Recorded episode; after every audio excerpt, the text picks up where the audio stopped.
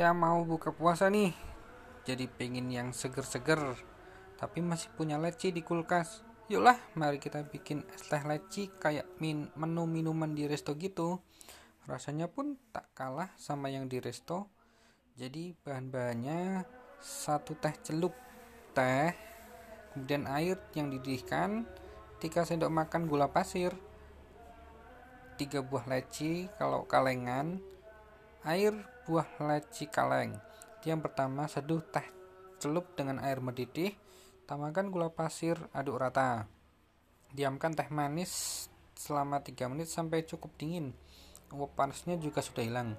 Siapkan gelas, taruh 3 buah leci, kemudian tambahkan air leci 50 ml. Setelah air teh dingin, masukkan air teh ke gelas yang sudah diisi leci dan airnya. Lalu campur rata dinginkan dalam kulkas dan sajikan saat seger-segernya pas buka puasa. Selamat mencoba.